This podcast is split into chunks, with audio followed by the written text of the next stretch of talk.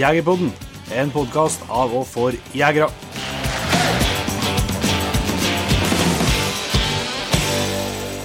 Hjertelig velkommen til en helt ny episode av Jegerpodden. Ja, Jon Petter Meldingen her. Jon Ingevik her. Og vi er samla i dag på Verdalen for eh, anledningen. Ja. Eh, Litt sånn reisende, omreisende Sirkus Orba. ja. Nei, men vi har jo hatt en uh, steika bra morgen på jakt, rett og slett. Jepp. Eh, vi er jo inne i ei ny uke med filming. Vi har jo eh, eh, ønsker jo å jobbe og lansere et konsept som vi kaller Ta med seg en. Som handler om rekruttering. Ta med seg førstegangsjegere ut på jakt. Og for å sette litt fokus og prøve å etablere det konseptet, så driver vi og spiller inn en serie som skal komme på YouTube på nyåret en gang. Med en Magnus Hestegreie, blant annet. Uh, og eh, nå har vi jo hatt helvekka med filming snart. Vi skal i hvert fall ha det. Starta på mandagen vekka her med elgjakt Ja. i Figadalen lag med Alexander og noen jegere der. Ja, det var artig. Der var det elg Ja, dæven, der er elg. og rådyr. Ja, og rådyr. Rådyrlos ble det òg. Men eh, ja, vi kan jo røpe litt til dem som hører på Jegerpoden, hva som skjer bak eh, kulissene. Det var du som må fortelle mest om det. da. Jeg var jo litt sånn i ytterkantene og, og passa på flankene. eh. Passa på flankene og henta hunder. Ja, men uh, du var jo midt i, midt i ilden hele dagen. Ja, det var jo uh, Vi skulle jo vi, Det er noe mulig at det er vi som er litt snåle, men vi ønska gjerne at Magnus skulle få oppleve å smyge på los. Smyge på stålos. Og det må han jo uh, i hvert fall takke Alexander og de andre jegerne som var på laget for at, det, at vi, at vi fikk, fikk oppleve det. For det, vi smøg totalt på fire loser i løpet av den dagen. Ja. At vi kom inn på. Eh, og det, vi prøvde nå først med Brutus, som fant rådyr før han fant elg. og Syns det var, syns det var svært. Syns det var svært, ja, rådyr. og Eiko fant elg, men stakk ut av terrenget. Og, og videre ble kleft noen hunder fra de andre jegerne der som, eh, Halvor og Espen var med. ja, som eh, kunne, kunne grensene litt bedre. Ja. Så det, de losene ble stående på, inn på terrenget. Og ja, vi smøg, eh, smøg to ganger på en, eh, på en hjemtun der som, eh, som hadde los. Og kom jækla nært, da, begge gangene. Da var jeg kjett. Kjett skog, og, og jeg var spent på om vi i hele tatt kom inn på, for det var jo det er jo, som du sa her, at det er jo vanskelig, og det er vanskelig å komme på med én. Ja. Og det er Det, veldig vanskelig å komme på med to personer. Mm, og tre er nesten umulig. Ja, så skal med seg Magnus og, og led, ja, være litt sånn eh, ledsager til han inn, på losen og skal med kameramann bak. Det var, men vi, vi kom mye nærmere enn jeg trodde. Vi var inne på 20-30 meter eh, på første gangen, og andre gangen så fikk vi se at det var, fikk vi se kua og kalven òg, men da var kalven så klin opp i kua at vi fikk ikke å skjøte. Og, og eh, tredje gang jeg var inne på losen på en gråhund der, så da eh, ble det for mye skog. Eh, Men så, ja, fjerde gangen da, da ble det rett og slett full klaff. Yes. Endelig ble det litt togstilt og åpent. og og losen sto, og Marius kunne, nei, Marius Magnus kunne avslutte et bra hundearbeid og fikk skjøtt sin første elg da, på ja, 90 meter. og Hjertebra skudd og rett ned i smellen. Og, Alt på film òg. ja. Ja, men det var forholdsvis god stemning oppe i skogen. i stunden, ja, det var det. Det var Jeg tror faktisk mange år siden jeg har hatt sånn puls på jakt. Altså. Ja. Sånn når dere følger med Peidar og visste hvor dere var hen. og Dæven spennende, altså. Herregud. Ja, det var Så var det godt og sånn. han Det var um, enorm lettelse, han var Det ble litt sånn mental utlanding på Magnus òg, tror jeg. Ja, du var sliten, sliten mann utpå kveldinga. Ja, det var det. Så det er litt godt å se det òg. At Ja. eh, man oppnår litt sånn følelser som vi gjerne ønsker at vi skal, at vi skal formidle. formidle Ja, ja, helt klart. Og det, ja, det, det Vi vet jo, vi har jo prøvd det før, vi òg, for så vidt. Men det er jo det som vi skal prøve å få fram i konseptet. Det er jo akkurat den her å både kunne gi den opplevelsen til noen, noen som ikke har hatt den før, men nå få lov til så var jeg jo litt så egoistisk å si at det er jo utrolig eh, altså, kick sjøl, da. Ja, ja. Å få lov til å både være med på det. For man vet jo sjøl hvor stort det er. Og så da få se på, på nært hold, det er jaggu artig, altså. Så ta ja, det er det. Det er, um, det er Jeg er sikker på at jeg har ikke hatt like mye puls og blitt like glad om jeg skulle til den kalven sjøl. Så når eh, Magnus skjønner det Og det, ja, det, det, det, det er det vi må, skal prøve å få fram. da. Yes. Så ta med dere en ut i skogen. Det er Yes. vel, vel, vel verdt det. Og så var vi videre på Snåsa i går med Helena og Silje og jakta ryp. Mm. Og fant ryp og greier, og skjøting ble det. Og så ble det vel ikke noe fall på en Magnus i går, da. Nei. Vi fikk vel lura til ei ryp til slutt. Ja. Og en fellesskjøting. Fellesskjøting, felles skjøting. Ja. Det var omsider ei som måtte gi tapt. Men ja. nei, det var fin. Det var en jækla fin dag. Da. Kjempedag i fjellet. Og, Og knallbra hunder. Ja. Det var veldig, veldig bra hundearbeid. Og så mm, var jeg, for både meg og deg som er tidligere fuglehundkarer, så mm, kjente man jo rett og slett på et lite savn igjen. Ja, helt klart. Nei, så og er også mye fine bilder og, og artigheter å se fra fram til. Også i dag så har vi vært på gåsjakt på Levanger. Eh, og det blir action, da. Hakket mer skjøting på gåsjakta enn på rypejakta i går. Ja, det kan jeg trygt si. Det ble en eh, kjempedag. Vi var med villmarka og tagojakt, som er helt proff på det de driver med. Så det jo, du kommer jo virkelig til dekka, dekka bord, for å si det mildt. Eh, Så mm, det er artig å se hele operasjonen og få fått filma det. Og, og som sagt, det blir jo veldig mye situasjoner og skjøting og, og mye vilt. da, Vi endte vel på 61 gås så sammen. Så det er jo en del Vi trekker jo ned snittet deres da, for året. Så det ser jo, det ser jo litt om hvor de bruker å ligge igjen, den gjengen der. Men uh, det var kjempeartig, så det tror jeg blir vel verdt å få med seg på serie etter hvert. Og så når vi har spilt inn her nå, så skal vi slenge oss i bilen og kjøre til Femund. Ja. Og treffe noen elgjegere der og være med på elgjakt oppe i fjellet der. Så det er artig. Så det er full fart. Vi var så ivrige på å fortelle om hva vi har opplevd eh, i skogen siste gang, Vi glemmer jo helt å fortelle om hva egentlig dagens episode skal handle om. Eh, Men det er altså hjortejakt eh, med bannhund. Eller litt, litt elgjakt òg, men bannhundjakt, da. Eh, Med en kar som heter for Sven Magnus Runde, som har eh, hatt flere gode svarthunder. Og vært engasjert i, i det miljøet, som eh, ja, forteller litt om sine tanker og erfaringer med både hvordan får fram hund, og, og ikke minst den praktiske jakta. Så det tror jeg er mm, ny læring, i hvert fall for oss Ja. der òg.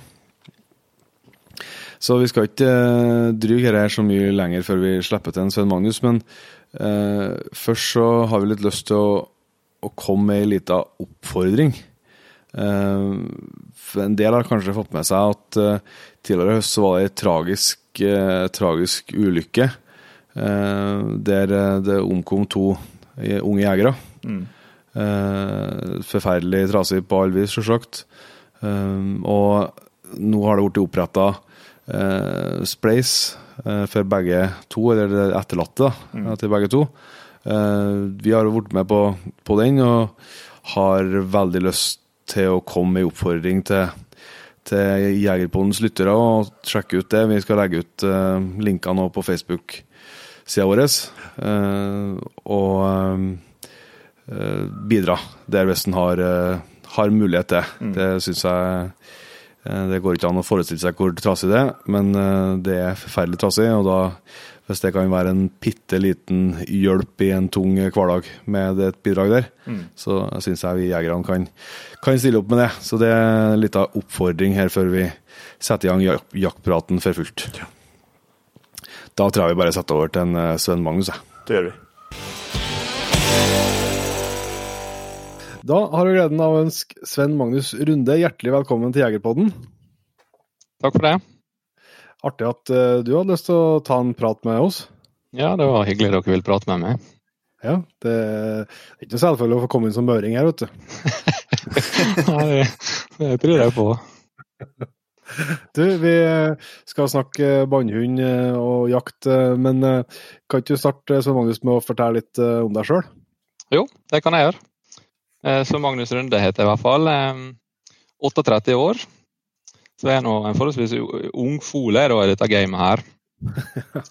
Så eh, jeg kommer opprinnelig fra en plass heter Hellesylt. Så er ei lita bygd på, på Sunnmøre i nærheten av Geiranger. Bratte fjell og fjorder. Eh, og nå bor jeg på Skodje, som ligger litt utafor Ålesund. Ja. Og der har jeg ja, ei kone og to jenter da, på, på 10 og 13. Mhm. Så eh, ja, så jeg bann- og ettersøksdommer. Mm. Så jeg bruker jo mye tid på hund, og får jo anledning til å se mange hunder i aksjon da, i løpet av eh, året. Mm. Eh, Bruker mye av tida mi på det. Men det her jakta og, og sånt, da, for din del, hvordan starta det? Er du oppvokst med, eller? Ja, det starta med hjortejakta, dette der, da. Så det var nå Mm. far min det som, som dro, med, dro med meg, eh, og bror min etter hvert. da.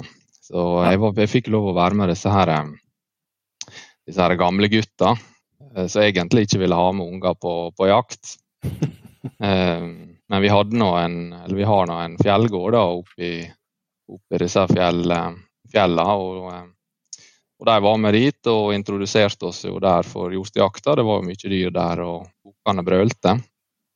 Mm. Ja. Så da eh, fikk jeg vel noen positive opplevelser da, med denne jakta. og eh, ja, jeg husker veldig godt disse her gamle gutta for en glød de fikk i øynene når de, når de hørte disse her bukkene brølte og eh, de våkna skikkelig til live. Det satt vel sine inntrykk, dette der. Da våkna returbokaen. Eh, Ja, ja jeg gjorde nok det. Men kjenner du på første vilthet, da?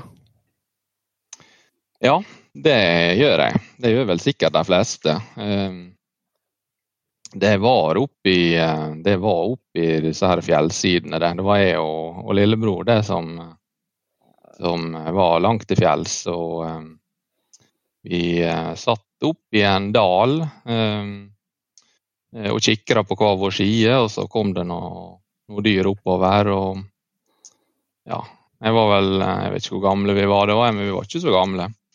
Eh, uerfarne var vi i alle fall. Så jeg husker jeg hadde satt den her kikkerten min på tolv i Zoom. Og um, jeg sprang nå ned der, og vi sneik oss inn, og det kom koll og kalv. Og, og jeg skjøt nå disse der to, og eh, ja, jeg ropte på radioen at jeg hadde skutt to kjempestore dyr. Jeg tror det var et ungdyr og en stor kolle, i hvert fall. Men det var nok, det var, det var, det var nok bare denne zoomen som gjorde det. Så det var en kalv på 12 kilo, eller 11 kilo, tror jeg. Og kolla, jeg vet ikke hva hun kunne vært, men hun var i hvert fall ikke stor, da. Så, men det var noe kjekt, dette. Jeg tror vi grein av glede begge to. Det var en fantastisk opplevelse da. Endelig lykkes med noe sånt. Og Ja. ja, hadde med oss noen fjellduker, så vi lå der nå oppe i langt på fjellet og hakka tenner hele natta, men det gjorde ingenting. Det var helt topp. En bra ilddåp. Ja, det er vel det. Siden og side, har det bare gått i hjort, eller eh, jakter du noe annet i løpet av året? Hvordan, hvordan ser jaktåret ut? Ja, eh, for min del så starta det med reinsdyrjakt. Ja. Eh, Jeg jakta reinsdyr på, på Forologna, på Kviknegrunn. grunn Mm. Så der eh, ja, har vi nå jakta med bannhund egentlig siden jeg begynte med hund. Jeg ser jo det er veldig mange andre også som, som bruker hunder på, på reinsdyrjakt. Eh, spesielt dette her hvor det er litt kupert og du kan dra overvær på, på, på lange avstander. da. Ja. Finne deg ned i, i, ned i kupert terreng. Eh, Så i år så hadde jeg med minstejenta på ti. Så det var noe stort for far da, som, eh, som fikk ha med henne når vi, når vi felte en, en kalv. Tøft. Så, um, så det er reinsdyrjakta det er jo 20. august, og så begynner hjortejakta 1. september. Og da eh, ja, jeg er jo med og jakter på forskjellige valg her på, på Sunnmøre, da. Det er nå Mm. Disse kvotene har nå tatt eh, Ja, de har nå blitt store, da. Og det er ikke blitt så mye flere jegere. Så, så um, det er nå et slit og et ork for mange av disse jegerne å skal skyte alle disse dyra. Ja. Um, så, um, så er vi forskjellige der, og så er det elgjakta, da, som uh, nå en fin gjeng uh, elgjegere. Nei, hjortejegere da, som, som drar på elgjakt uh, Mhm. Oppe i nord. Og um, det er noe, jeg kan jo fortelle en liten historie om det. Det var noe litt morsomt. Dette vi, første gang vi var der oppe, så, så fikk vi beskjed av han som driver der, at uh, ja, det er nå en og annen hjort, men det, men det hadde ikke han sett på lenge. Og det var i hvert fall ikke mye av det. Og vi oppe i sida der og drar opp kikkertene, og det vi finner, er noe hjort. Jeg veit ikke om, eh, det er fordi at vi setter kikkertene der hjorten pleier å stå. For elgen den fant vi nå ikke, i hvert fall ikke i starten. Så, eh, så det tok litt tid for oss hjortejegerne å lære seg dette mønsteret til elgen. Da, men det, det, det skjønte vi nå etter hvert. Ja. Ja. Så, um, nei, og så er jeg med, Vi har jo en sånn fallgruppe da, her på, på Sunnmøre. For Ålesund, så jeg går for Ålesund kommune, da, hvor det er en ja, litt i overkant av 200 påkjørsler i løpet av et år. Ja, det er såpass, ja. Så eh, ja, det er ganske mye da. Nå er nå Ålesund stort, og det har blitt mange disse gamle kommunene har slått seg sammen. Og, Ja, ja. eh, Så, men det, det er mye, ja. Altfor mye. Men dere har Så- ikke noe elg, eh, du har ikke noe elg liksom på terrengene du jakter der, eller? Nei, det er, det er lite gjort her. Du kommer over til Molde og lenger nord der, så, så treffer vi jo på elgen. Mm. Ja. Eh, Men eh, akkurat her er ikke det så mye. Nei. Nei. Eh, Så, eh, ja. så det går kun i storvilt. Jeg kjenner meg sjøl godt at hvis jeg har begynt med fiske eller et eller annet sånt, så har det, det, det har ikke gått. Jeg har ikke tid. Dette her tar aldri Ja. Ikke av tida. Kvoten er brukt opp. Kvoten er brukt opp plutselig til. Ja. Men når, når, er dere, når dere jakter, jakter elg, da, mm, eh, da er dere samme, samme gjengen med hjortejegere som rett og slett vil ha litt forandring og ga til, ga til støl, gjør det, eller? Ja, det er jo Ja. den variasjonen. Eh, Vi lærer Ja. noe nytt hele tida. Vi, vi hadde ikke mye erfaring med, med dette der. Hadde nå trent litt på elgen med hund, og disse andre karene hadde vært på uh, jakta litt tidligere. Men, eh, men vi har virkelig funnet noe vi syns Dette syns vi er gøy. Det er jo annerledes. Det er jo Er du vant med å gå på hjorten, så ja, kan hende noen blir fornærma nå, men da er det enklere å, å gå andre veien over på elgen, da. Ja. Den er jo lettere til beins, denne hjorten, enn elgen. Eh, Mm. Sikkert eh, unntak der òg, men eh, sånn generelt er han nok det. Ja. Mm. Ja, altså ikke minst terreng, altså hvordan terreng dyrene trives i. Det er jo litt eh, forskjell, da. Mm. Det er ganske, For oss oppleves det som ganske bratt ute i Terråk òg, men det, i forhold til på Sunnmøre så tror jeg det er bare varmvann, egentlig. Ja. Det, der er, det, det er plasser der som er helt eh, Det er vanskelig å beskrive hvor bratt det er. Og Mm. det var jo GPS på noen, noen hjortekoll her som, som som, eh, ja, som ble registrert. Da. Og da så man jo det at eh, storbukkene sto og holdt disse kollene ut i de bratteste fjellsidene. Områder Ja. hvor da det ikke var mulig, det er ikke tema å jakte der ute. Nei. Så, um, men da fikk de nå være der i fred, og det er noe, det er noe bra i denne tida der. Er jo, det har noen verdi, det òg. Så er vi jo alltid nysgjerrige, vi har, så Magnus, på å høre eh, hva som står i våpenskapet, og hva som er med ut på, eh, ut på jakt.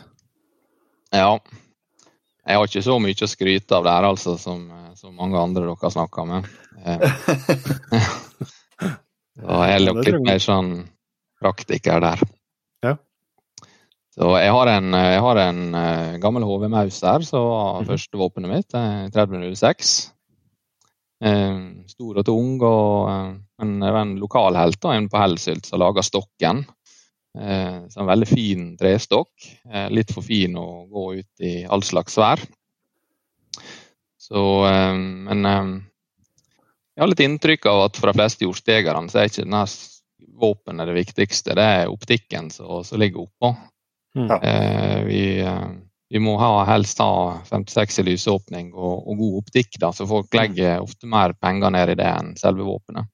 Ja. Eh, Hvilken kikkert er du har på? Jeg har en size eh, nå, da. Så en, en Conquest. Så den fungerer, fungerer helt greit. Ja. Ellers er det noe Victory som er ofte populært her, da. Ja. I Ja, for de er kjent 56 eller mer i lyset. Hva sa du? De er kjent for å være lyssterke, den Victory. Ja, i hvert fall hvis du driver med nattjakt, så er det greit å ha, må du ha noe sånt. Eh, Mm. Så, um, og så har jeg en sånn, kjøpte jeg med for en stund for noen år siden en sånn Browning X-Bolt i 308. Mhm. Eh, litt for å få litt kortere løp, og når jeg går ettersøk og, og jakter for så vidt også med bannhund, så er det greit å ha et våpen som er litt eh, kort. Mm. Eh, og ikke minst at eh, det tåler litt vær og vind. da. Ja. Og så er det lett å finne over igjen. Ja, det er et kjempeflott våpen. Mm. Det som var det som det dumme med dette, er at jeg begynte å lade. Eh, det ble plutselig en ny hobby, da. Så eh, ja, kjøpte jeg og broren min en sånn Dylan laddpresse, og så ble det jo kronograf, og eh, dette der har jo tatt helt av. Så eh, så, Men veldig kjekt, da. Jeg Har funnet noen eh, kombinasjoner som fungerer veldig godt i det våpenet der. Som jeg er fornøyd med. Så er det litt gøy å skyte dyr med, med eget ladda krutt og kuler, da. Mm. Mm. Har du mer kontakt med urmennesket? ja, kanskje det. Kanskje det. Ikke ikke pilene sjøl. Ja. Ja, det er veldig, veldig bra. men vi skal jo, Det er jo bannhundjakt eh, hovedsakelig etter hjort, men vi skal vel eh, snakke litt eh, bredere kanskje òg. Men eh, som skal være tema i dag, eh, så Magnus, så eh, hvordan, eh, vi kan høre litt hvordan jakta starta for deg, men eh, hvordan hundeinteressen, hvordan kom det inn i, kom det inn i bildet? Ja, den eh, begynte i hjortskogen, den. Enkelt og greit. Vi følte vel eh, mange at vi ble lurt av hjorten hele tida. Eh, mye frustrasjon. Ante jo ikke hva som skjedde. Han sprang rundt eller for av gårde, og du så spor, og du visste ikke om det var ferskt eller noe som helst. Og da tenkte vi så at det hadde vært greit å ha en hund bare som kunne fortelle deg i det minste hva retning han dro. da. Mm. Så eh, det begynte vel egentlig med det. Eh, så så man jo etter hvert at disse hundene hadde noe mye mer egenskaper enn som så. Eh, eh, men det var nå en av, en av tingene som, som gjorde at dette her starta. Eh, Ja. eh, Og så var det et behov for ettersøkshund. Det er litt annen kultur for dette med ettersøkshund på Sunnmøre enn det er kanskje ellers i landet. Eh, Hvor da de fleste skriver en avtale med en ettersøksgruppe. eh, Som da har noen hunder og har 24-7 vakt, eh, istedenfor å ha egen hund. Mm. Så um, ja, så jeg er ikke oppvokst med hund. Så Men jeg er litt usikker på om jeg har begynt med dette her, da, hvis jeg har visst hvor mye tid det ville ta. For det, det, det Oi, oi, oi. Ja, Det, er det er sånn som ta, det. ja, det er det. Nei, men det er veldig givende. Det er så Ja. mye kjekke folk jeg ble kjent med etter jeg begynte med dette her. Eh, Mm. Mm. Så mye fine Ja, godt miljø og felles interesse og Nei. Det angrer jeg ikke, da, selv om det har vært veldig, veldig tidkrevende. Nei, for altså, Det er mulig at jeg tar feil der, men jeg opplever kanskje ikke at, eh, at som du er inne på med Sunnmøre og, og altså at det ikke er de sterkeste hundetradisjonene i, eller på jakthundtradisjonene i landet her. da. At det er litt uh, At det ikke, ikke har vært så mye minutter, det er kanskje mer nå enn eh, enn tidligere, men at det er litt, uh, at det er litt sånn ny, nybrottsarbeid for en, en del jaktlag òg. Ja, helt klart. Det, det er ikke tradisjon for dette her, og i, i alle fall ikke jakthund. Ettersøkshundene Ettersøkshund er det jo noen som har hatt, men, men eh, i forhold til resten av landet, så, så er ikke det Så jeg tror nok kanskje det er litt, eh, litt tradisjon. Mm. Det går jo, Hver gang man snakker om hund, så går det i etord om en eller annen gråhund som jager alle hjortene til eh, skogs eh, langt av gårde, og hunden kommer aldri tilbake igjen. Sånn, så du får jo høre den. Um, og så er det vel kanskje litt mangel på erfaring, tror jeg. da. Mm. Um, det må på en måte bevises da at hun hund kan faktisk brukes Mm. som jakthund, og ikke minst ettersøkshund. da. Eh, Så, men der um, Sunnmøre er jo ikke så ulikt egentlig Hordaland og Vestland lenger sør, og der har de jo praktisert hjortejakt med bannhund egentlig lang tid. Ja. Hordaland Ja. Det er på vei oppover, det er på vei oppover kysten. Ja, det er jo det. Hordaland Elgunklubb er jo kjempestore og gode på dette her, og bruker jo mye svarthund på, på hjortejakt. Det er jo ikke Mhm. elg der heller, i hvert fall ikke store mengder. Nei. Og så er det noe, Ting har jo endra seg litt grann også. Før så var det jo sånn at man, man tenkte det at du brukte bannhundene i fjellterrenger, og, eh, og så var det vanlig å bruke løshundene i, i skogsterrenger. Mm. Eh, og- og det var nok fornuftig det når vi hadde elgen, men nå er det jo kommet hjorten. Nå har det kommet så mye av den. Vi skyter jo, så dere vet, mer hjort enn elg. Og, um, og, vi klarer jo nesten ikke å snu denne utviklinga. Um, så, um, så, da har det jo blitt det da, at mange har tenkt at uh, vi må jo kunne bruke hund også i, i, i skogen. da, Også på hjorten. Klart det. Hva var, husk, hvor lenge er det siden du skaffa første hund? Ja? ja, det er nå ikke så lenge, egentlig. Jeg føler jo på en måte at jeg har hatt hund i all den tid, men det var vel i 2014-2015. Ja. Så um, det var nå en svartund, æra. Uh, ligger nå her på bordet, dessverre i ei krukke, da. Um, ja. Det var en fantastisk uh, ettersøkshund. Uh, brukte hun um, Ble aldri en sånn super overværshund, men uh, som uh, ettersøkshund og sporhund så var hun helt super. Mm. Um, og I kombinasjon med hun andre jeg hadde, så var jeg mer sånn overværshund. Så, så var, det, var, det, helt supert. Mm. Men uh, nå har jeg nå bare én, da. Per nå. Så får vi se hvordan det blir. framover. Men ja. Eh, ja. for du har eh, Så nå har du det svarthund du har nå?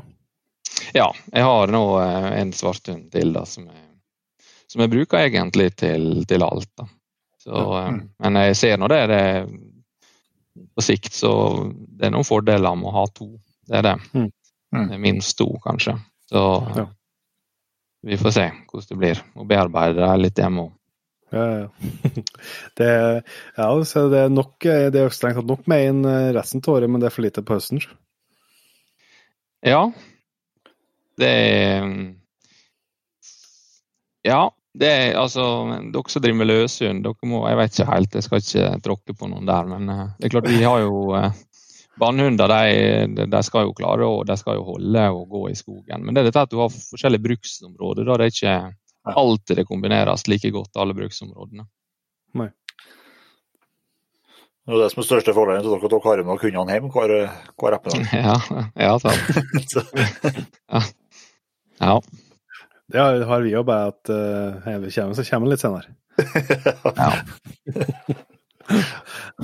det blir den første kyssen. Du har jo vært eh, og er engasjert i klubbarbeid og sittet tidligere i, i avhørsutvalget, stemmer? Mm. Hva, for det, ja, for at uh, det er jeg bestandig vært nysgjerrig på, sånn når jeg har nødt sjansen, hva, hva gjør egentlig et avhørsutvalg? Ja, det er vel ikke et fasitsvar på det, for det er jo mange forskjellige avlsutvalg. Men jeg kan si litt om hva Norsk Elgun, avlsutvalget for Norsk Elgun Sost gjør, da. Mm. Um, så Der sitter jo det noen kontaktpersoner, det er tre stykker som sitter her nå, engasjerte og utrolig flinke. Det, det må sies. Ehm, så de ehm, har jo oversikt over eh, alle avlshundene.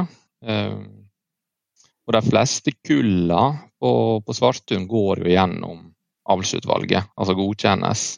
Mm. Så har du et tispe og du skal ha og du har lyst på kull, så tar du kontakt med avlsutvalget, og så hjelper de deg om å finne en hannhund som kan passe. Mm.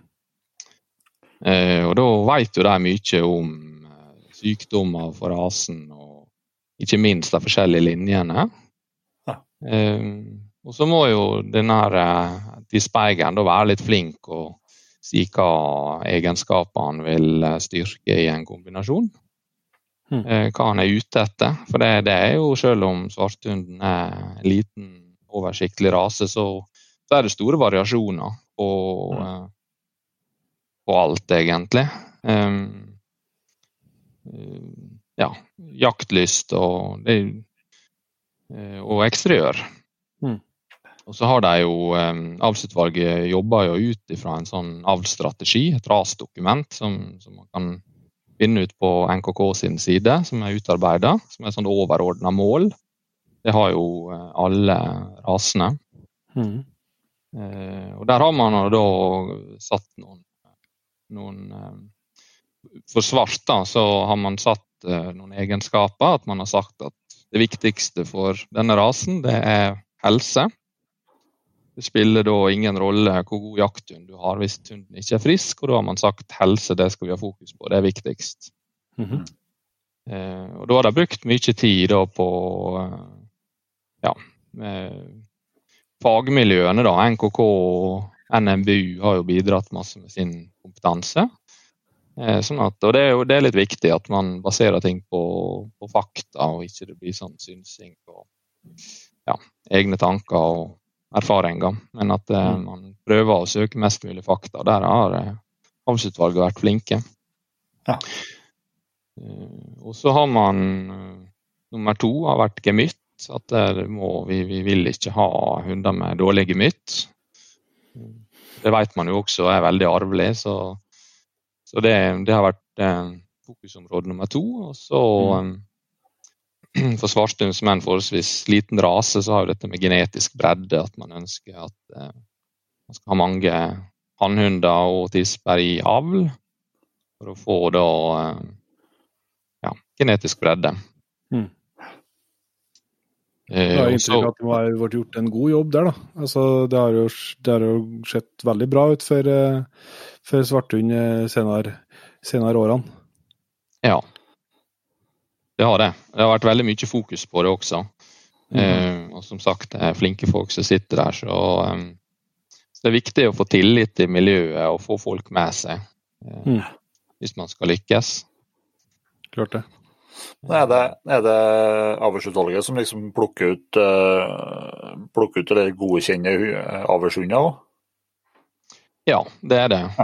For ca. 95% av alle kull i Norge går gjennom avlsutvalget. Og da, da er det ikke sånn at, du, de sier, at de sier du må bruke denne, men de gir deg noen alternativ. da. Og så har man litt sånn egne tanker. og, og Har du en spinkel liten tispe, eller har du en litt lita tispe, da, så eh, må du i hvert fall prøve å unngå å finne en, altså du må unngå en hannhund som er liten. Ja. Eh, så er det selvfølgelig noen som tror at hvis du da kombinerer med en stor hannhund, så får du mellomhunder, men det gjør du jo ikke. Da får du jo enten små eller store.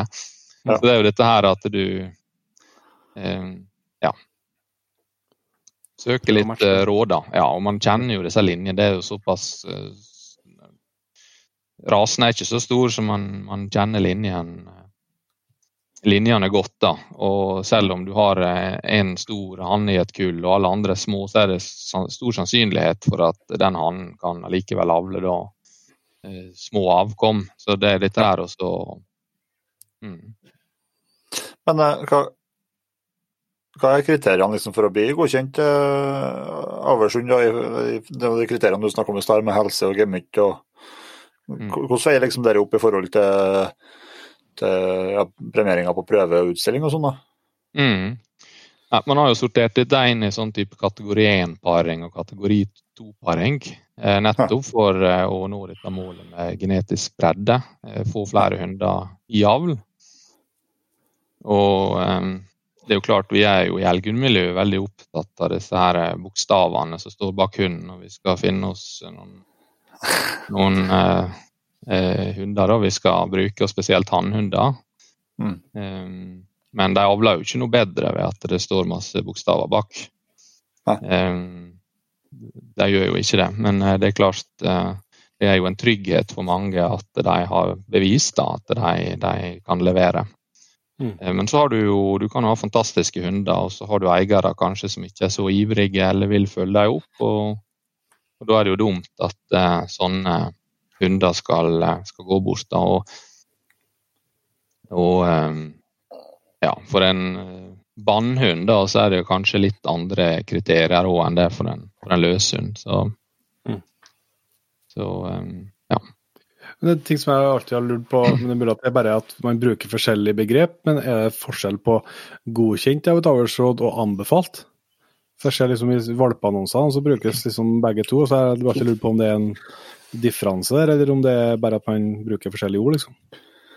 Nei, det, det skal ikke det være. Det, enten er det godkjent, eller så, så er det ikke gått gjennom avlsutvalget. Ja, så det er ikke sånn at det er noen som er enda mer godkjent? skal jeg si. Nei, det er dette kategori 1 og kategori 2 ja. da man eh, sorterer på. hvor da kategori 1 krever at begge hundene er jaktpremierte, bl.a. Og kategori 2 da krever du at bare den ene er jaktpremiert. Ja, akkurat. Så, men det er klart, skal du ha deg en hund, så det, det, det, forutsetter jo at en kjøper bruker litt tid og setter seg inn i, i rasen. Setter seg inn i uh, Dette gjør jo dere også om dere skal ha dere en hund.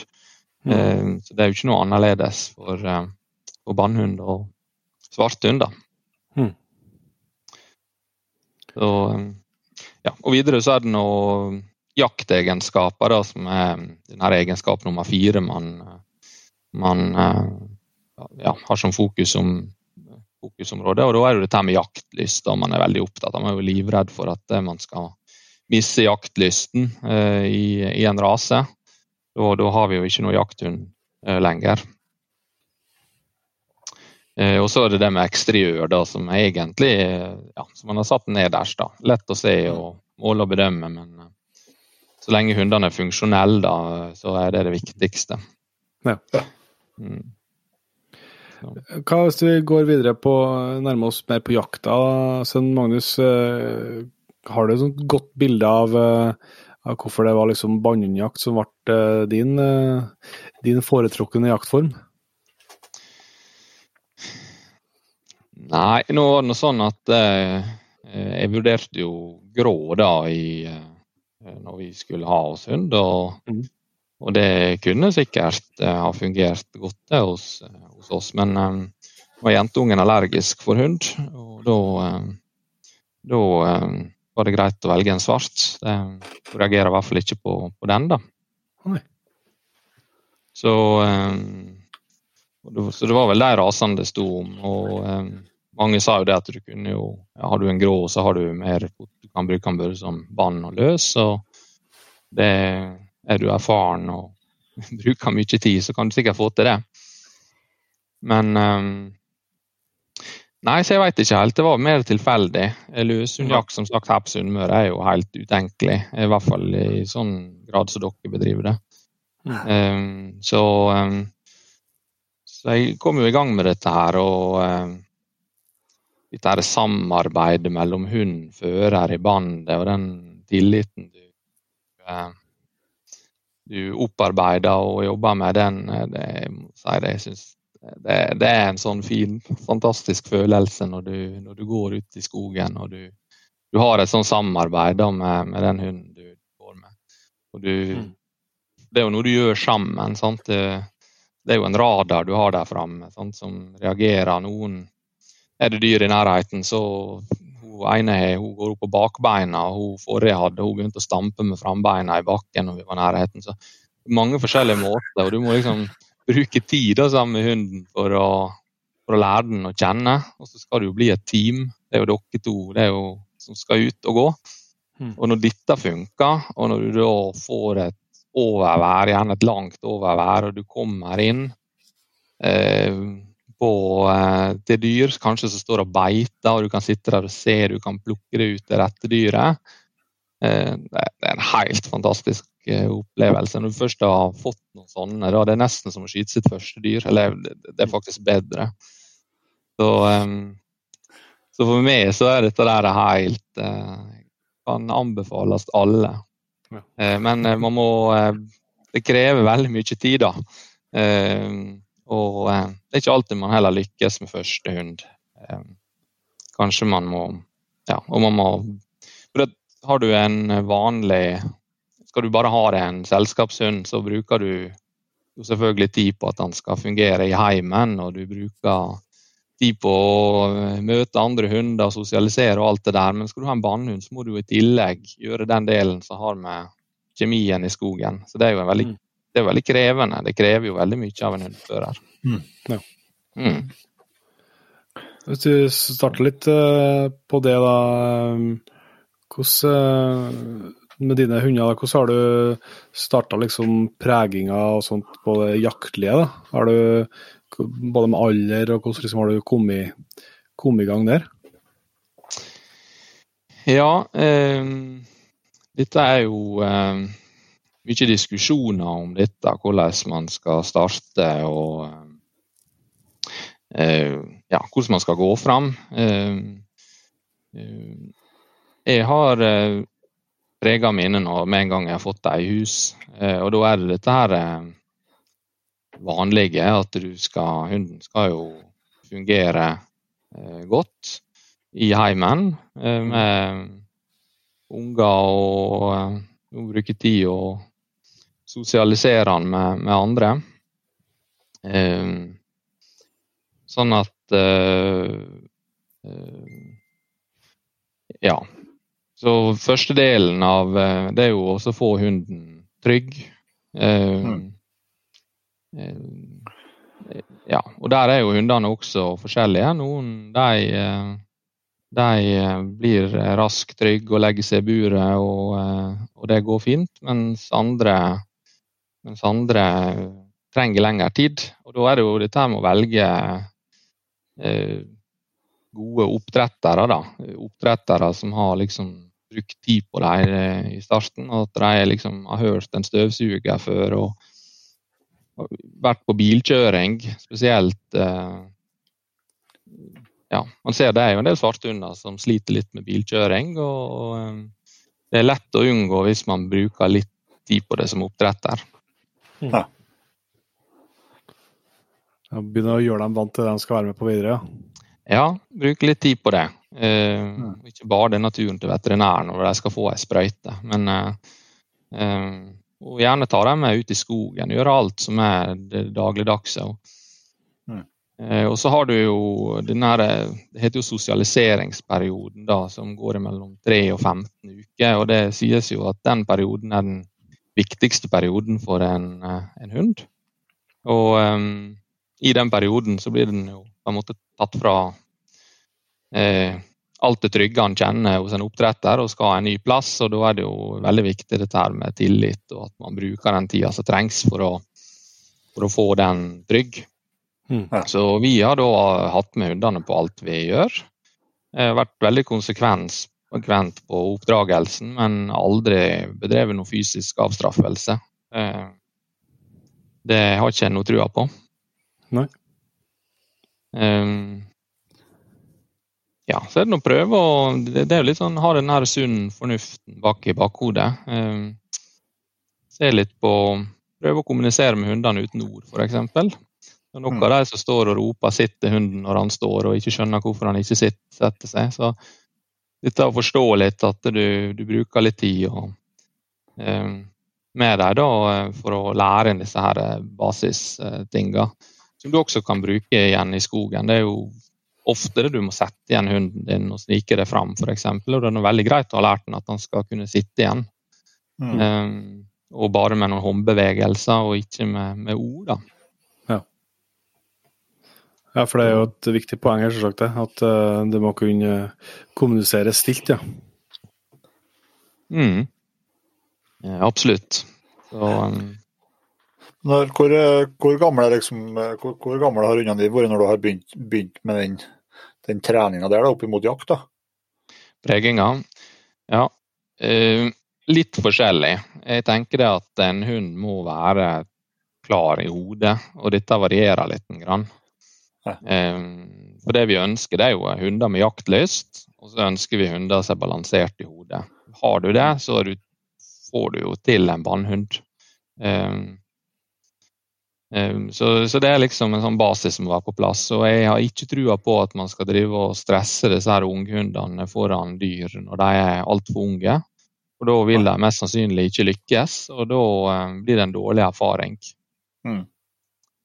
Så um, jeg har mer trua på at man, eh, man bruker eh, ja, den, det første året da, på å opparbeide trygghet og tillit. Og så er det mange som sier det at man skal vente til rundt et år da, før man begynner å prege dem for mye på, på, på, hjort og vilt. Men det har litt med erfaring å gjøre, og som sagt litt hvordan hunden er eh, mentalt. da.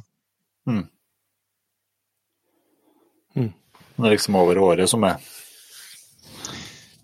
ja, jeg skal ikke sitte og si noe, det er en fasitsvar på dette. Da. Men det er i hvert fall altfor mange som begynner for tidlig. Ja, ja. Det ser man da. Og så sliter de med at hundene blir altfor heite. Ja, det, er jo, eh, det gjelder ikke bare bannhunder, det gjelder jo de fleste. Mm. Mange av hundene sånn at eierne er for ivrig. Ja.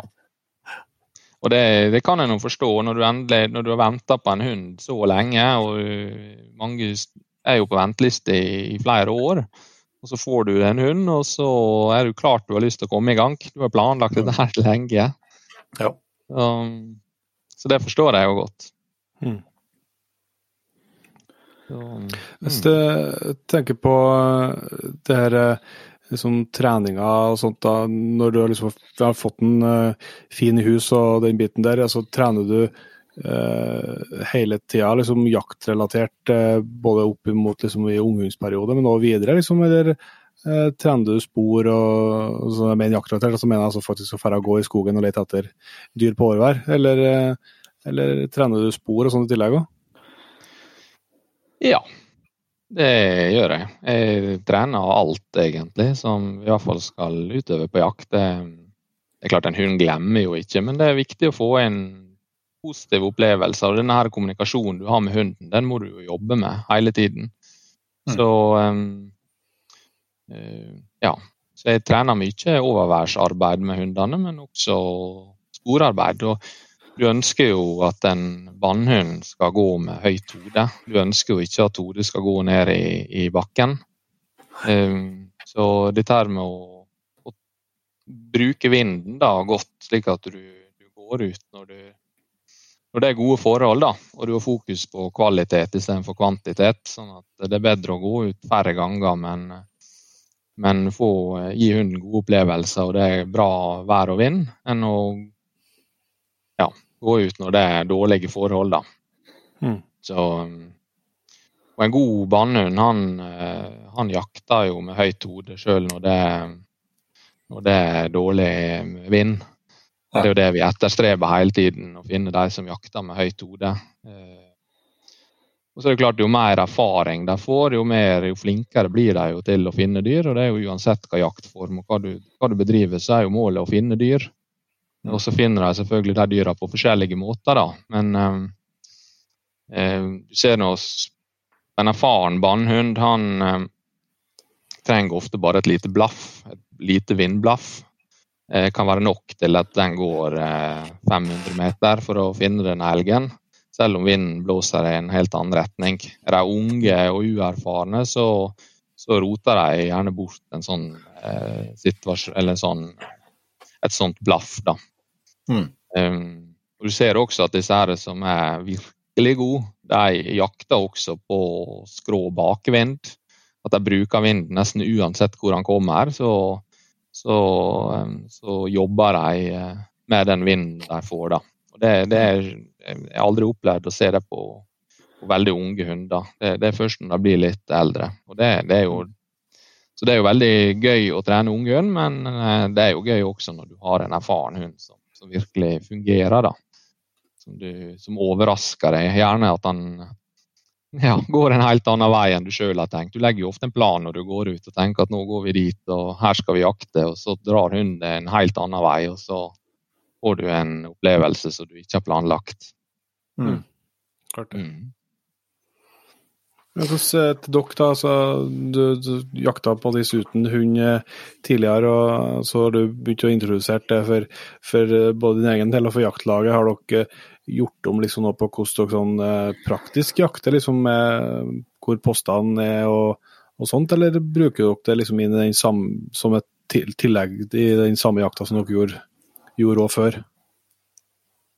Ja, altså vi, eh, jeg har brukt mine hunder egentlig på alle måter. Jeg er ikke A4 når det gjelder dette der, men det er klart skal du kan du si det først at skal du oppnå gode premieringer på en bannhundprøve, så er du avhengig av en hund som, som jakter på en litt bestemt måte. da. Eh, Og da Mm. spesielt dette som jeg nevnte med høyt hode og, og sånn. Men i praktisk jakt så benytter man jo bannhundene på mange forskjellige måter. Det er jo ikke bare enslig jakt hvor du går inn på et dyr og, og skyter det, men du er gjerne i et jaktlag. Eh, og jaktlaget de vil jo ha sporhunder gjerne. Eh, så eh, så eh, vi har brukt eh, Jeg har brukt min hund som sporhunder, og jeg har gått løs med dem som støkkhunder, og egentlig eh, praktisert alle former for jakt. Um, og har ikke noe dårlig erfaring med det. Det er noen som sier at de blir så heite eller ikke vil fungere som bannhund etterpå, men det, det, er ikke min erfaring. da. Men det forutsetter at eh, hundene er balansert i hodet. da. Det, det, men det ligger jo til grunn uansett. Mm. Det må jo Bare kjør. Ja, det må jo Jeg har jo sittet og snoka litt på på uh, hjemmesida di, Magnus. Mm -hmm. Og det er blant annet en, en skogsprotokoll fra 2019, da du gikk en jaktprøve som gikk veldig godt. Ja. Uh, og det jeg bet meg merke til da, når jeg satt og se om jeg fant noe å ta deg på der, da, men jeg gjorde ikke det. Men ja, ja, ja. det, som er, det som er reagert på, på et vis, at det, det, blir veldig mange situasjoner. Altså, det er mulig at du var, du var, sikkert en veldig god dag i skogen og at det var mye dyr, men det, mm. det virker som det er veldig mange situasjoner mm. i løpet av en dag. Mm. I løpet av ja. en kveld her, da. Mm. At man går, går seg inn på mange forskjellige, mange forskjellige grupper med dyr. da. Mm. Ja, det var tilfellet det den dagen. Eh, det er klart det er ikke eh, disse momentene de skal jo være fullprøvd med en situasjon.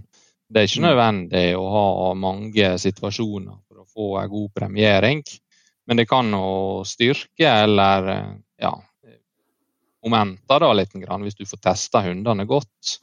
Ja. Um, så, men det er klart, vi snakker jo ofte i miljøet om denne her hva med disse hundene som finner denne ene elgen da, gjennom seks timer, og han jakter i seks timer for å finne han. Ja. Uh, skal ikke han uh, kunne uh, få en toppscore? Eh, og så går du da i et hjorteterreng da, eller i et annet område hvor det, hvor det er dyr overalt, og du får jo testa hunden, i hvert fall på syn og sånt, men kanskje det er vanskeligere å teste et godt søk da, på hunden eh, i et mm. sånt eh, terreng. Da. Så, så det, det, er litt vanskelig, dette der. Og litt sånn fordi at vi har bygd strukturen basert på dette jeg snakka innledningsvis om, at vi hadde bannhundene var liksom i fjellterreng og Østerdalen og disse her, men så mm. bruker vi dem også i tettskogen etter hjorten. Og da, så, så, det er viktig at vi i miljøet i hvert fall bruker tid på å diskutere dette, da, på hvordan vi, vi vil ha det. Um, ja, så, men der var vi veldig heldige. Vi hadde mange situasjoner og, og ja, det var en god dag. da. Og alle dagene er jo ikke slik, det er helt sikkert. Nei, for det er jo, det er jo massevis av dyr her totalt som, eh, som har, har ikke vis stått framom dere. og det i hvert fall for oss mm. løshundjegere så er det ikke vanlig med så mange situasjoner i løpet av en dag, nei. det, men det er, litt, nei, det, er, det er, litt, spennende å se at, eh, at, eh, at, det går an å få til så mange sjanser, da, til tross for at det er et viltrikt område. Mm. Ja da, og jeg har jeg har en god venn som, eh, som har nå gått noen bannhundprøver i, i, høst, og han har gått eh, på Gudbrandsdalen elghundklubb, eh, i området hvor det er elg. og eh, Jeg tror de var borti 12-13 elger på ei prøve. Forskjellige ja. dyr. Så det er klart det er jo eh, områder hvor du, du, kan komme bort, eh, borti mye, mye dyr. Mm. Helt klart. Så men som sagt, det er jo ikke det, det, må ikke være mye dyr da for å få en god premiering. da. Eh, men um, dette der er et tema vi i Elgu Norge må, må bruke litt tid på å diskutere da, og bli enige om hvordan det faktisk skal være. Ja. Mm. Ja, Det er artig å se. Du var litt innpå litt tidligere, men hvis vi kan gå litt dypere inn i det, så er det interessant. Og når du har mest erfaring kanskje fra, fra hjorten, men òg jakta en del eh, elg med, med bannhund. Hva, hva, er liksom det viktigste skillene? eller som Du sa du, at det, det, kanskje var litt enklere, men altså, hva er det som eventuelt gjør det enklere? og hvordan, uh, Hva gjør dere forskjellig da, når dere er på elgjakt kontra dere bruker dem på, på hjortejakt? Mm. Ja, øh, vi har nå øh, Eh, elgjakta har vi jo eh, Der har vi jo brukt hundene våre bl.a. som løs. da. Eh, når vi jakter opp i Terråk der, så springer ikke de så veldig langt. Så det har liksom fungert godt, dette. Da har vi sluppet dem, og så har de egentlig bare gått, gått foran oss i søk. Holder oss i synsavstand helt til det kommer inn på et eller annet, og da drar det av gårde en 200-300 meter etter elgen. Kommer tilbake igjen, henter med som fører. Sånn går vi da fram og tilbake, og da har de ofte bare gått en 400-500 meter, denne elgen. og så har han prøvd å gjemme seg inn i et skogshold, og så har vi gått på han igjen. Og så har vi da fått han fram til en eller annen post.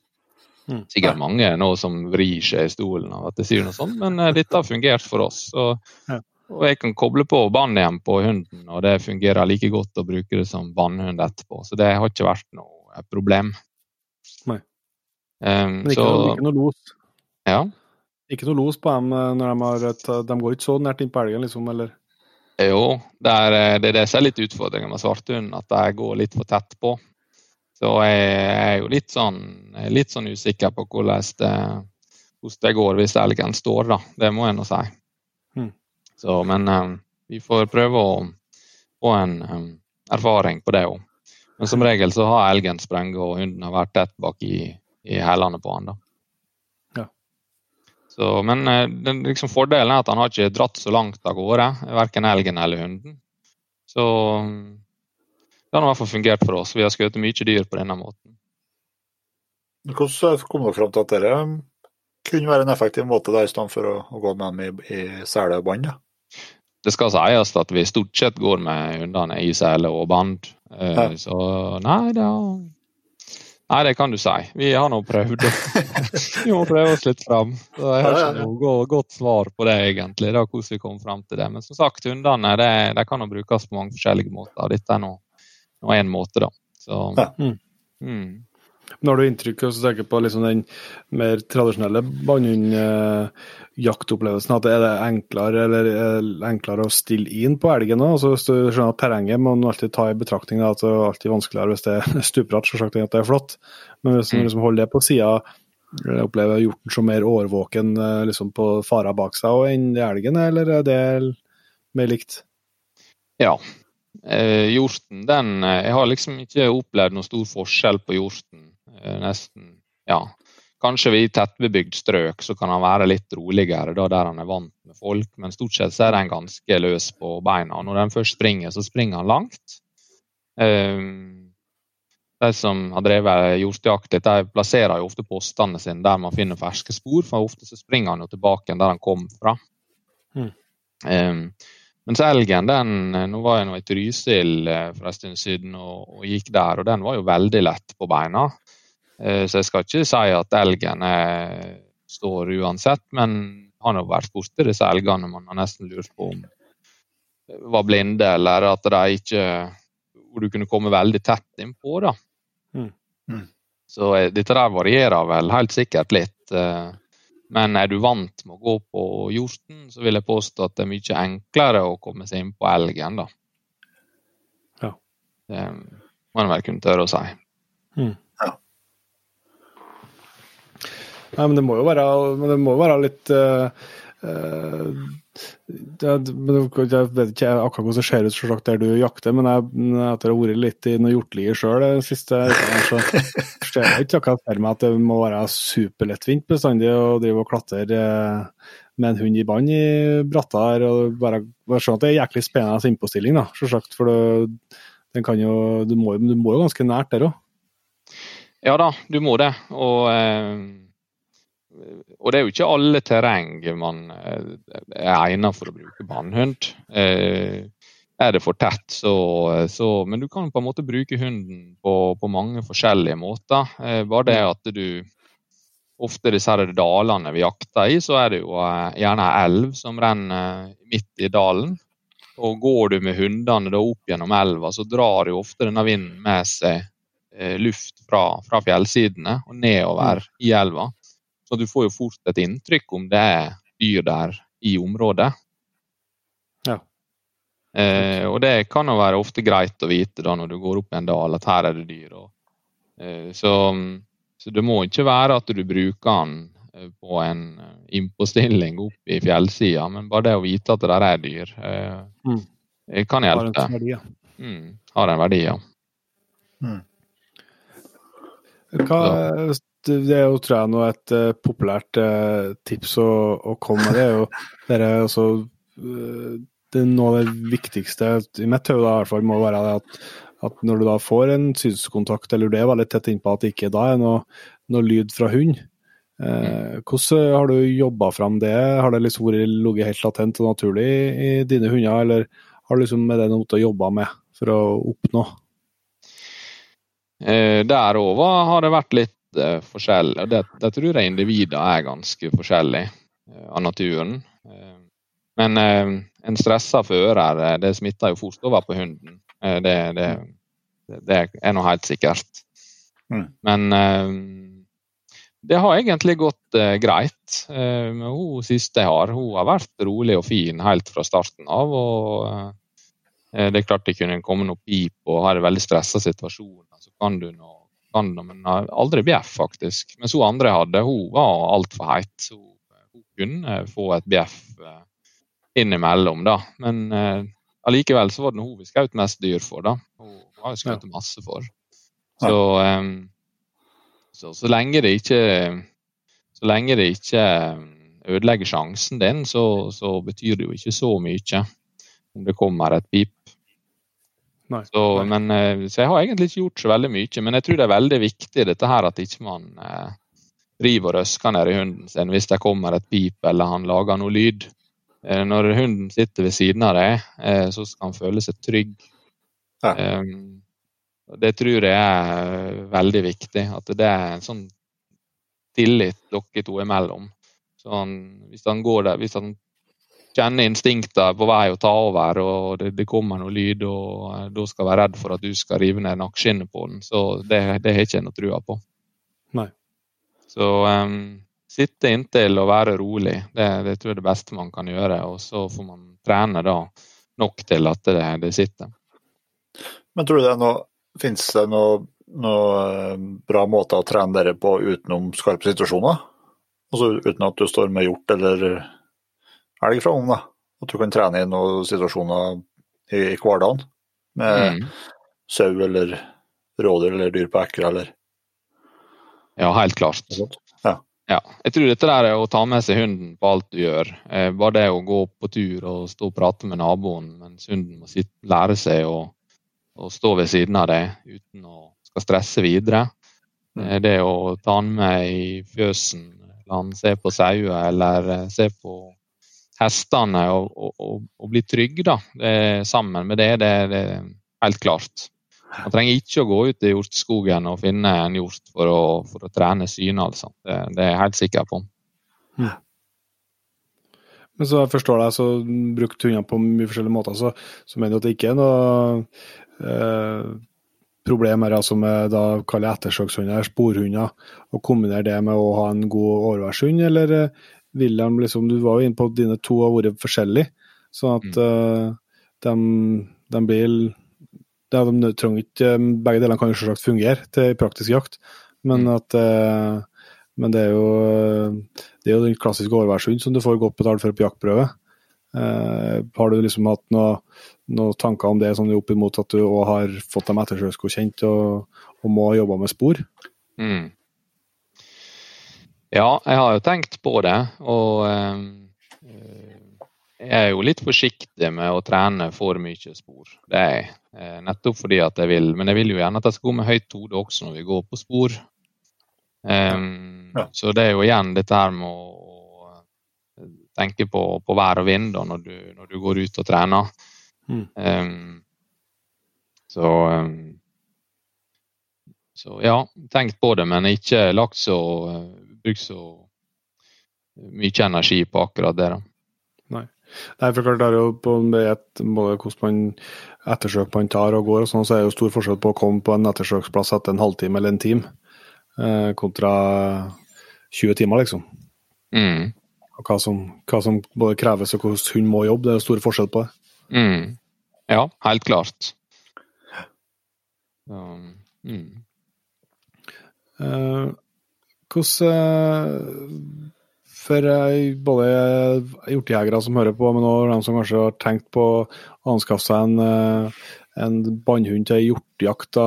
Så Magnus, eh, hvilke suksesskriterier tenker du er, er, alfa og omega for å lykkes med den, med den jaktformen? Er noe, jeg er enig i liksom sånn praktiske tips og sånn, men hva, er jakta best nå, er det senere på høsten, eller er det, spiller ikke en rolle? Jeg tror nå alle, alle tider har nå sin sjarm, da. Mm. Men eh, eh, når du skal ut og bedrive banehundjakt, så er det jo klart eh, dårlig vær og stabil vind det er jo det beste. Du vil jo ikke gå ut når det, når det er veldig tørt. Da er det noe vanskelig å komme innpå. Ja. Eh, der jeg tror veldig mange eh, ja, sikkert kunne tenkt seg mer om det, dette her i forhold til klær. Ja. Det er altfor mange som tar på seg en Gore-Tex-bukse som, som tåler vind og, og, regn, men den bråker altfor mye. Jeg har ikke vært borti de klærne som er vindtette og, og vanntette som, som, som, ikke bråker. Så det å få seg noe lett og spesielt bukser, slik at det ikke kommer noen nye lyder ut i skogen. da. Altså Trakker du på en kvist og kommer borti noe, så er jo det lyder som dyra er vant med. Men det er jo disse nye lydene som, som mm. de fort springer på. Så um, ja. Klær og um, Vadmel du sverget eller? Ja, det, men det er jo veldig varmt igjen. da. Det er jo ikke noe særlig å springe rundt på sommeren med det. da. Så jeg har nå bare hatt noen sånne tynne bukser som, man tak i som blåser tvers igjennom. Men du kan jo ha ull da innerst blir du litt våt, så, så, går du jo. Så det er jo sjelden at du blir så kald at det blir et problem. Mm. Ja. Så ull innerst og noe lett ytterst, det, det har liksom fungert greit. Ja. Så er det nå dette her å gå rolig og bruke kikkert mye. Um, selv så synes, så syns jeg at man skal, kan godt ta litt, man kan godt gå litt fremover eh, så lenge man har kontroll på vinden. og Jeg liker best at hundene har stramt bånd i søket sitt.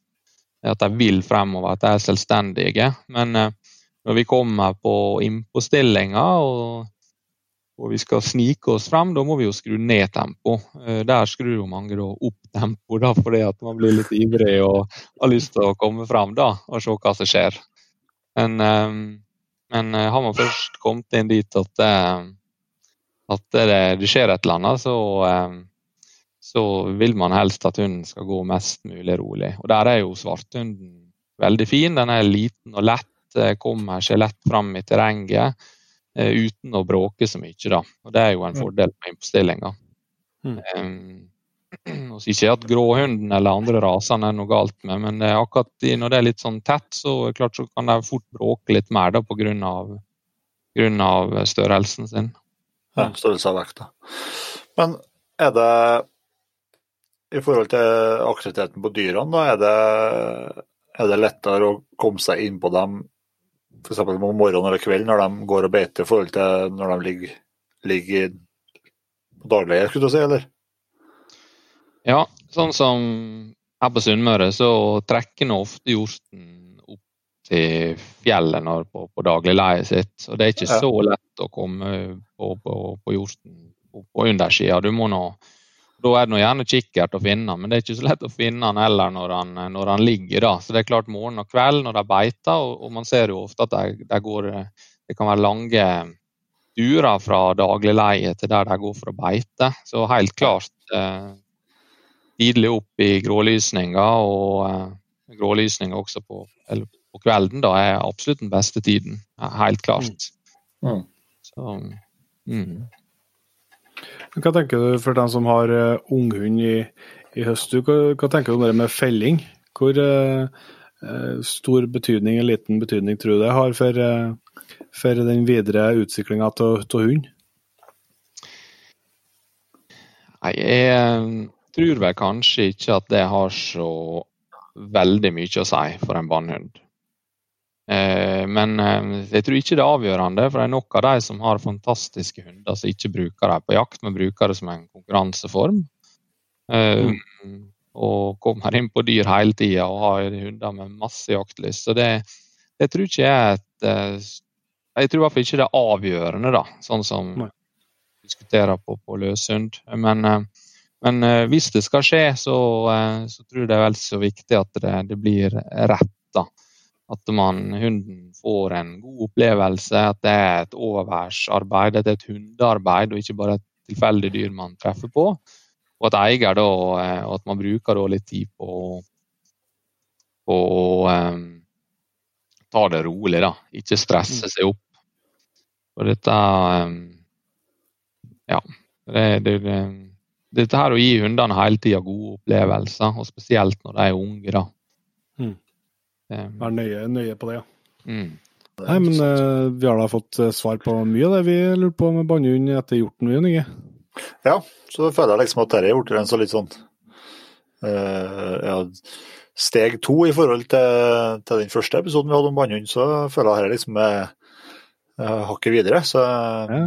Og så er jo er mye mer retta mot hjort, så det er stadig mye. Men jeg må jo si det er jo beundringsverdig å gå med hund i bånd i bratte vestlandslia til hjort. Da. Det skal man jo ha skryt for. Ja. Vi er for tunge i, vi er for tunge i bakhengen til det, tror jeg. Ja, jeg tror det. Jeg tror det. Vi, er, vi er for dårlige hundemann. Men Hvordan er det litt i forhold til, til utstyr? eh, Du var jo litt inn på, på, på i stad. her, eh, Legger du noen spesielle kriterier på seler og, og bånd og sånn, eller? Ja, eh, helt klart. Jeg har en sånn enkel, eh, lett eh, sele som ikke suger til så mye vann. Og så må man passe godt på at man har en sele som ikke struper de framme da, når de drar på litt. Ellers har jeg brukt type klatretau, eh, fordi at den, den glir fint innimellom trestammene og, og lett å ta igjen på andre siden og henger ikke så lett opp. Um, så er det jo litt variasjon på hvor langt dette bandet skal være. Noen mener det Noen går nå bare med to-tre meter, og andre går jo sju-åtte meter. Så dette varierer jo litt. Men eh, eh, for min del så har det fungert godt å, å ha et litt langt band, og så gi, de, gi ut band, da, så det er mulighet til å, å søke søke ja, så de får jobbe selvstendig og søke godt, spesielt på sånn type åpne når det blir åpent. da. Og så drar du det inn når du, når du må gå litt innimellom trærne for å styre hunden. Akkurat. Veldig bra. Nei, men uh, Hvis ikke du har noen uh, spørsmål å brinne med, Jon Inge, så tror jeg vi kan begynne å, å prøve å runde av her. Nei, vi kan gjøre det. det er jo, vi har jo noen spennende eh, spørsmål på slutten. Og så eh, må, vi jo- må vi jo forberede den på at den må komme i noen historier på slutten, da. Ja, ja. Røverhistorie. Ja. Ja. Ja. Hvis vi starter med jaktutstyret, da har vi fått nevnt eh, litt noe både med klær og, og til hund, men er det noe, noe annet som du er veldig glad i, og som må, alltid må være med i, i skogen? Ja, det alltid må være med. Eh, Skal vi se, eh, håndkikkert, det, det må jeg alltid ha med. Eh, Nå investerte jeg i en ny håndkikkert. Jeg måtte gå mange runder med meg sjøl før jeg kjøpte den. Men det ble nå slik. Hva, hva du landa på Swarovski-kikkert med avstandsmåler som eh, ja, fungerer kjempegodt. Så for hjortejegeren så er dette her med optikk veldig viktig. Mm. Um, ellers så er jeg veldig fornøyd med det, eller vi på elglaget er veldig fornøyd med. Jeg vet, ikke, vi, jeg vet ikke hvordan vi skulle klart oss uten engang. Det er denne her bærbare vinsjen vi, vi en gikk til anskaffelse av. Som jeg brukte med å drage ut dyr. Um, helt fantastisk. Mm. Så, um, for det har ikke vært mulig å komme fram med annet kjøretøy der vi, der vi har jakt, eller har kanskje vært mulig, men det har fungert veldig godt. da. Liten og lett, og du bare tar den med deg og henger den i et tre, og så har du 100 meters tau som du fester elgen i, og så er det bare å drage den. Går seint, men kommer jo fram overalt. Så um, Ja, de, er, de er snedige. Ja. Så er det jo veldig eh, billig investering i forhold til mye annet kjøretøy. da. mm, Absolutt. Ja, hvor, men, hvor bærbar er den? Altså, hva, hva ligger i bærbar? Hva veier en sånn? Nei, Det veit ikke helt hvor tung han er, men én mann tar nå dette fint. Vi må huske at vi er nå vant med å bære ganske tungt. Så det, dette der, det, det, det går helt fint. En tar denne på ryggen og, og går. Så det Eller det enn å partere elgen og, og bære den ned. Det, Mm. Ja, det er i hvert fall tungt. det kan være tungt, ja. Mm. Og så lurer vi jo alltid på eh, beste jakttips. Mm. Ja. Eh, jeg tror det må være det vi snakka litt om, rett bekledning. Spesielt dette med bukse og sekk, og helt opp i caps, egentlig. For du ser den òg lager mye lyd når du drar innimellom eh, trærne og busker. Så, Mm. så det med rett bekledning og, eh, og eh, ha ull innerst. Eh, da kan du bli litt våt uten at du, du, du fryser i hjel. Ja. Er det derfor du har anlagt den sveisen du har? For å være helt tydelig? ja, ja det, det ligger noe der. Mm. Ja. ja, for jeg har prøvd jeg jobber med samme. Ja, du gjør det. Ja. Ja. Helt, helt frivillig. Mm. ja. Nei, der hadde jeg ikke noe valg, så det, det ble bare sånn. Så, um, nei da. Så er det dette med å ha kontroll på vind og være forsiktig med å krysse myrene og gå ut på, på åpninger. Eh, Så, Mm. mm. Bra. Er det noe eh, jaktdrøm som ligger og skugrer eh, innerst i sjela di? ja, som- Ja, jeg skulle jo forberede meg litt på dette spørsmålet der, da. Og eh, Jeg prøvde å tenke meg godt om, altså. Men det, det er ikke noe sånn, jeg har ikke noen sånn storbukkdrøm eller eh, Jeg syns det er kjempespennende å komme i nye terreng. Eh, få oppleve eh, nye situasjoner. Nå fikk jeg med meg jo alle jentene, både kona og begge jentene, har nå vært med på fall. Ja. Og eh, nå siste var det hun på ti som var med, og det var en stor opplevelse for meg. Mm. Så drømmen er jo at de eh, vil interessere seg for dette her når de blir eldre. Jeg kjenner sikkert mange så vi kan dra på jakt sammen. Så ja, eh, men noe sånn reise til utlandet og skyte en stor bukk for å få et stort gevir, det, det er jeg ikke helt med. Jeg sliter litt med dette her at vi skal skyte ut så mye gode avlsdyr. Så, så nei, jeg tenker nye terreng og nye opplevelser. Det, må, det, det er det jeg drømmer om. fantastisk. Veldig bra. Og så, eh, som eh, Jon Inge var inne på, så prøver vi alltid å runde av med jakthistorier. To, da, og nå, eh, når det her er ute, så er det jo både er jo hjortejakta vært i gang lenge, og nå er elgjakta i gang og greier. Og så er det nå, nå trengs det jakthistorier. ja. ja. Ja, nei, det Det må nå bli eh, en sånn høstværtur langt til fjells, dette. Vi, vi har jo et jaktområde der vi må kjøre en båt en times tur. Og så eh, er det til noen sånne fjellgårder der vi skulle tro at ikke noen kunne bo. Og så er vi langt til fjells der, da. Og Sunnmøre det det, det er jo ofte mye vær her. Eh, ja, mye vind, og plutselig slår det om. Eh, så mm, vi var to karer som, som gikk langt til fjells der, og vi så vel på en rundt eh, 1000 høydemeter. Så vi, mm, det var jo denne tida vi var litt uerfarne og syntes det var kjempegøy med jakt, men tenkte ikke så mye på alt dette andre da, som man kanskje burde tenke på hvis man skulle ha det komfortabelt. Så vi eh, la oss nå opp på ei sånn fjellhylle da, oppå der, og vi visste det var mye dyr i området. Og så på kvelden det, det ble så kaldt, og det begynte å ja, Jeg tror det begynner å snøve, men i hvert fall eh, Vi hadde nå dratt med oss hver vår sånn eh, Jeg tror ikke det var sommerpose, det var vel ikke så gale, da, men eh, det var i hvert fall ikke en varm sovepose. Og eh, vi trodde vi skulle fryse i hjel på natta. Det var så kaldt. Eh, Heldigvis så har jeg noen svogere som er veldig glad i sånne duppeditter. Så jula før så har jeg fått noen sånne her eh, Jeg har fått en sånn her eh, Zippo-varmer. En sånn der du fyller bensin på, og så gløder den i åtte timer eller noe sånt. Så denne der, den gikk jo inn i soveposen, og jeg, jeg ja, jeg tror ikke jeg hadde hatt alle tærne mine intakt hvis det ikke hadde vært for den. eh, så jeg, vi tippa vel kanskje det var en nærmere 15 minus den natta. Og eh, når vi sto opp om morgenen da, eh, uten særlig mye søvn, så var det jo blitt søndag. Vi skulle nå hjem igjen etter hvert. og eh, og vi måtte jo bruke første timen bare på å få på skoene, for de var jo så frosne, skoene og buksene og alt vi hadde. Så så vi måtte jo tine dette her da, for å, å få det på oss.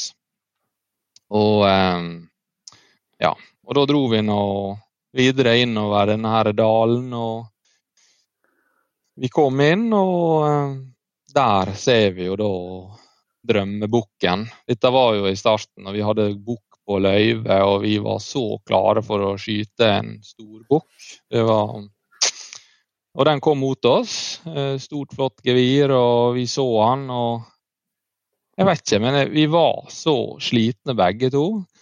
Så jeg husker vi sa ingenting, vi to, men vi hadde han jo begge i sikte. Og jeg tenkte at kanskje han skyter, han tenkte kanskje at jeg skjøt. Men vi lot han bare gå.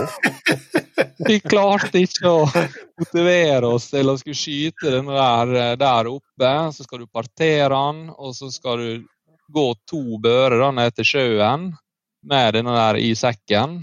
Eh, og så skulle du kjøre hjem igjen når det var bekende svart ute på sjøen, og så skulle du på jobb i morgen. Nei.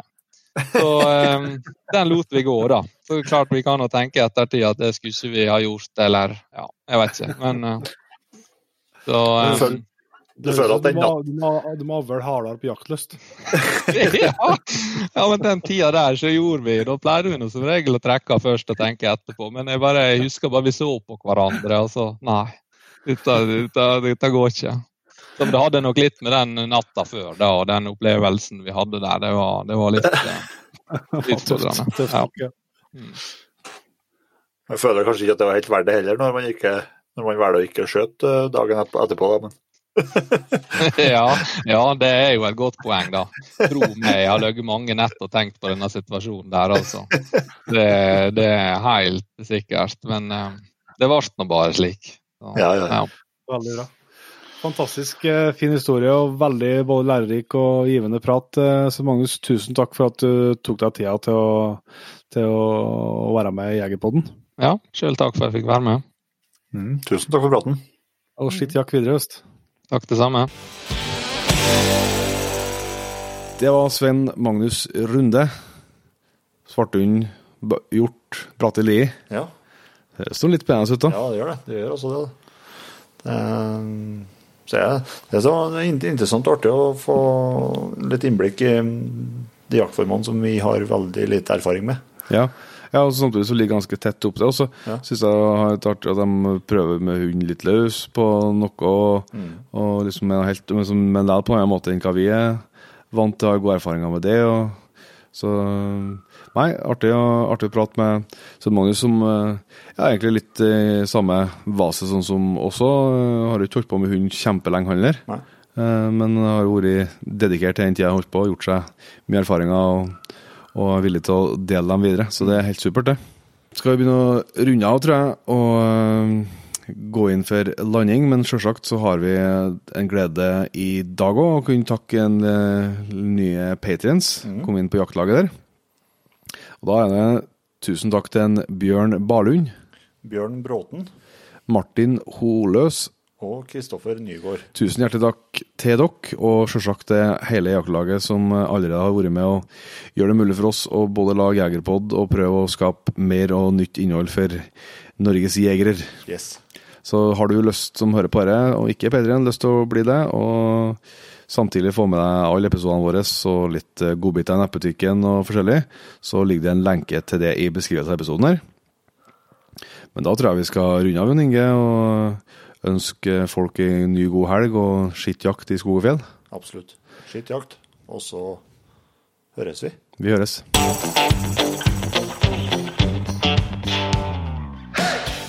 Tusen hjertelig takk for at du valgte å bruke litt av tida di på Jegerpodden. Sjekk ut jegerpodden.no eller din favoritt-podkastspiller for enda mer innhold og flere episoder. Følg også Jegerpodden på Facebook og Instagram, og ikke minst, husk å fortelle alle gode venner, familie og tilfeldige forbipasserende om Jegerpodden, sånn at vi får spredd det glade budskap videre. Vi høres.